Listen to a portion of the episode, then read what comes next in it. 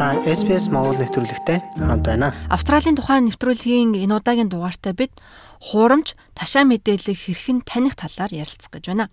Мэдээлэл гэрлийн хурдаар тархдаг болсон өнөө үед үнэн худлыг ялгах нь улам бүр хэцүү болж байна. Энэ нь худал, ташаа, хуурмаг юу ч гэж нэрлсэн бай. Ийм мэдээний нөлөөлөл хിവэр байдаг бодит байдлыг гажуудулж, үзэл бодлыг зөрөлдүүлж, ихтгэл үнэмшлийг үгүй хийх тэр ч байтугай чухал шийдвэр гаргахад нөлөөлдөг юм. Өнөөдөр бид энэхүү эдрэтэ сэдвийг ухаж, уг гарвалыг нь олж, ташаа мэдээллийн цаад механизм болон түүний нийгэмд үзүүлэх нөлөөллийн талаар тодруулан ярилцах болно. Та SBS Монгол нэвтрүүлэгтэй хамт байна. Бусад сонирхолтой нэвтрүүлгүүдийг SBS.com.cg Mongolian вебсайтаас аваарай. Хөгжиж байгаа дижитал ертөнцид хуурмаг мэдээлэл бодит сорилт болж байна. Гэхдээ энэ нь яг юу вэ? RMIT их сургуулийн харьяа баримтыг нэгтлэх буюу fact checking fact lab-ын дид захирал Суши Дас тайлбарллаа. So misinformation is basically incorrect information. Ташаа мэдээлэл гэдэг нь үндсэндээ хүмүүс буруу гэдгийг нь анзааралгүйгээр бусдад дамжуулдаг буруу мэдээлэл юм. Харин худал мэдээлэл гэдэг нь бусдыг төөрөгдүүлэхийн тулд санаатайгаар бүтээдэг худал мэдээлэл юм. Тэд үүнийг хошигнол хийх эсвэл улс төрийн хөтөлбөр хэрэгжүүлэхийн тулд бүтээж байдаг. Эсвэл мөнгө олохын тулд хэрэгэлдэг. Суши дас болон түүний баг мөн бусад баримт шалгагчид сошиал медиа дээрх контентуудыг шалгаж ташаа худал мэдээлэл агуулсан эсхийг нь үздэг. Дараа нь тэд үнэн зөвийг шалгахын тулд нарийн судалгаа хийдэг. Энэ нь үнэн зөв мэдээллийг олон нийтэд хүргэх баталгаа болдгийм. Хадагтай даас Австральд худал ташаа мэдээлэл холилдсон байдаг хэмээн тодтоглоо. Одоогийн мэдээний гарчиг нь сошиал орчинд худал мэдээлэл түгээдэг нэг шалтгаан болж байна хэмээн тэр хэллээ. For example, at the moment there's the war between Жишээ нь яг одоо Орос Украины хооронд дайн болж байна. Тиймээс тэр дайны эргэн тойронд ташаа мэдээлэлч байна, худал мэдээлэлч байна. Ойрох дорндод өөр нэг дайн болж байна. Түүнийг тойрсон маш олон ташаа худал мэдээлэл байдаг. Бид мөн санхүүгийн лувер, эрүүл мэндтэй холбоотой ташаа мэдээллийг байн харж байдаг health related misinformation. Queensland-ийн технологийн их сургуулийн дижитал медиа судлалын дэд захирал доктор Тимоти Грэм хэлэхдээ олон нийтийн мэдээллийн алгоритмууд заримдаа худал мэдээ, ташаа мэдээлэл түгээхэд чухал үүрэг гүйцэтгэдэг гэсэн юм. Сошиал медиа платформуд нь зар сурталчилгаанд үйлчлэхээр бүтээгдсэн юм. Тэд хэрэглэгчийн хүсэл сонирхол тулгуурлан контентыг өөрчлөхийн тулд алгоритмуудыг ашигладаг бөгөөд илүү хамааралтай болгох зорилготой байдаг content will come across people's feeds that they find irresistible. Контент нь хүмүүсийн хооронд саадгүй тархдаг. Хүмүүс нэгт холбоотой болж нийгэм сэтгэл хөдлөлийн хувьд татагддаг. Энэ нь заавал баримттай байх албагүй. Мөн платформуд маш түргэн хариу үйлдэл авахд чиглэж илүү их түгээх, илүү их хүртээх хандлагатай болж байна. Хүмүүс инээдтэй эсвэл сөрөг өөрт нь ямар нэгэн хүчтэй мэдрэмж төрүүлсэн зүйлсийг маш хурдан бусдад түгэж шеэрлдэг.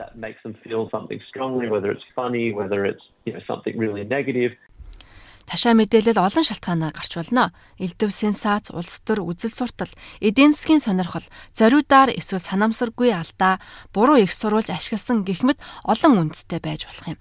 Хувилдааны онолууд нь ихэвчлэн нууц хувилдааны талаарх нарийн ширийн түүхийг агуулдаг. Үүний эсрэгээр ташаа мэдээлэл нь хувилдааны элементүүдийг агуулж болох эсвэл төөрөгдүүлсэн өргөн хүрээг хамардаг.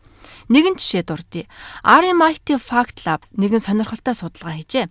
Энэ нь хувцсны шошгоны оронд байдаг болсон QR код нь хувь хүнийг хянах, тагнах оролдлого хийж байна гэсэн онолыг тэд судалсан юм.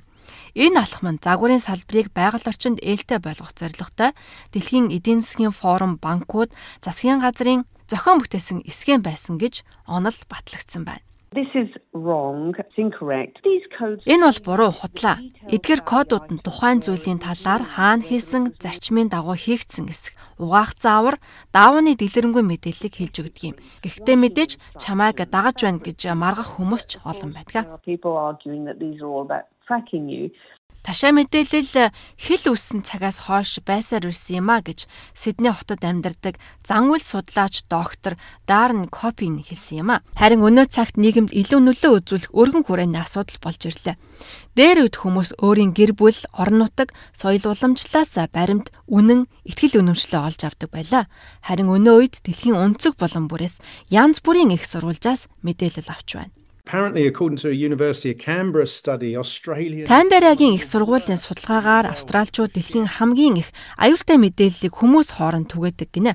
80% нь эргэлзээтэй гэж үтсэн ч нийтлэлээ шеэрлдэг. Тиймээс энэ нь бидний тулгараад байгаа хуурамч мэдээ, ташаа мэдээллийн асуудлыг улам бүр хөндрүүлж байгаа нь ойлгомжтой юм а. Буруу мэдээлэл тархах нь нийгэм улс төр хувь хүнд ч ихээхэн нөлөө үзүүлдэг. Доктор Дарн Копинг ингэж тайлбарллаа. When misinformation or fake news confirms a pre-existing belief or suspicion, then it can really Хэрвээ ташаа мэдээлэл эсвэл хуурамч мэдээ нь урд өмнө байсан ихтгэл үнэмшил, сэжиглэлийг батлах юм бол энэ нь зан төлөвт үнэхээр нөлөөлдөг.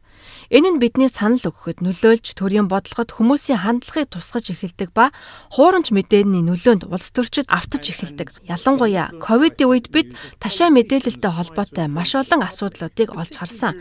Дэлхийн эрүүл мэндийн байгууллагын ерөнхий нарийн бичгийн дарга бид зөвхөн тахал өвчнөд тэмцээд зогсохгүй мэдээллийн тахалтай ч мөн тэмцэж байна хэмээн хэлж байсан шүү дээ. We're not just fighting an epidemic, we're fighting an infodemic.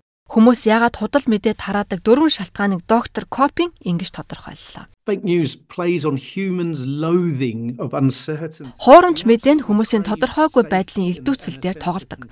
Бид аюулгүй байдал, хяналтыг үнэхээр хүсэж байна.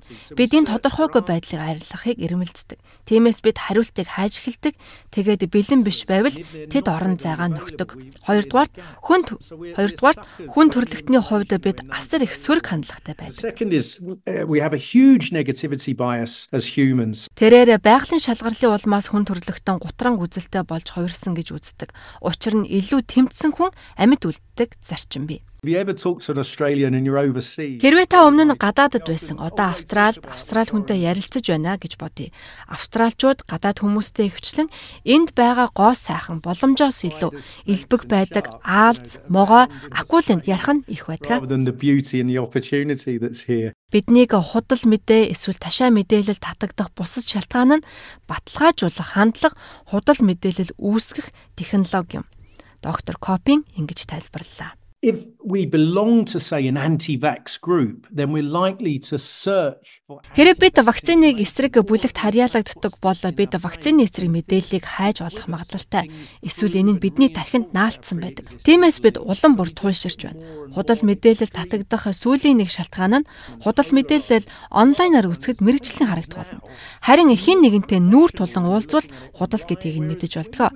Тэдний хуурмаг байдал, хачин зан ааш, эсвэл хөлөрсөн алга зэрэг нь тэдний хэлж байгаа зүйлд итгэхийн аргагүй гэдгийг нь илтгэж байдаг.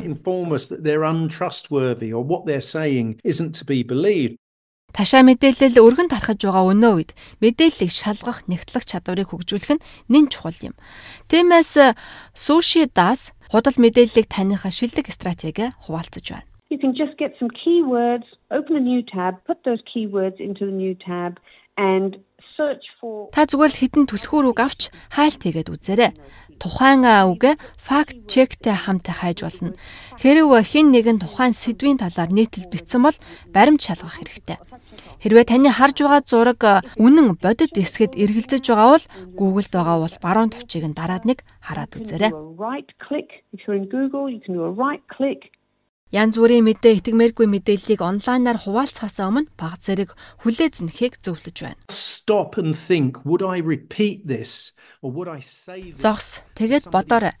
Бид үүнийг давтах хэрэгтэй юу? Эсвэл олон нийтэд хэн нэгний нүүрэн дээр та ингэж хэлж чадах уу? Хэрвээ та итгэлгүй байгаа бол цааш нь битгий хуваалцаарай. Яагад гэвэл та ташаа мэдээллийг түгээхэд хувь нэмэрээ оруулж байна. Хоёрдугаарт хайлтын нэр томьёоны буруу ойлголтоос болгоомжул. And secondly, be wary of your own search term biases. Техник технологи хөгжихийн хэрээр ташаа мэдээлэл тархаж байна. Профессор Тимотигийн хэлж байгаагаар байнгын хувьсан өөрчлөгдөж байгаа дижитал ертөнцид ирээдүйд ямар сорилтууд биднийг хүлээж байгааг ярьсан юм а. I think one of the biggest challenges that generative AI pose. Миний бодлоор хиймэл оюун ухаанд тулгардаг хамгийн том сорилтуудын нэг бол эдгээр хиймэл оюун ухаан нь анх харахад хүний зохиосон юм шиг харагдаж, үнэхээр үнэмшилтэй контент бүтээж чаддаг явдал юм. Мөн энэ нь зөвхөн текст биш, зургууд ч болж байна. Тиймээс бидэнд тохиолдсон бодит сорилт бол хиймэл оюун ухаанаар үүсгэгдсэн контент контентын үеэр юм. Одоо эдгээр хоорондоо холилдож хэр бодиттой болохыг олж мэдэх улам бүр төвөгтэй болж байна. Энэ нь жинхэнэ зураг уу эсвэл хиймлэр бүтээсэн үү гэдгийг мэдэх амаргүй болсоор байна. Image or an authentic piece of text versus something that's not.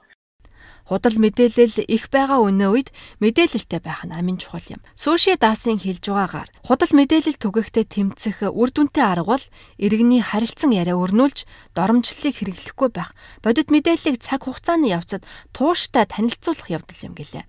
Өөрчлөлт бол төвчээр шаарддаг, аажмаар явагддаг үйл явц гэдгийг ойлгох нь чухал юм.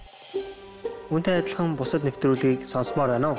Apple Podcast, Google Podcast Spotify эсвэл та өөрийнхөө сонсдог апп ашиглан манай нэвтрүүлэгтэй хавд байгаарай.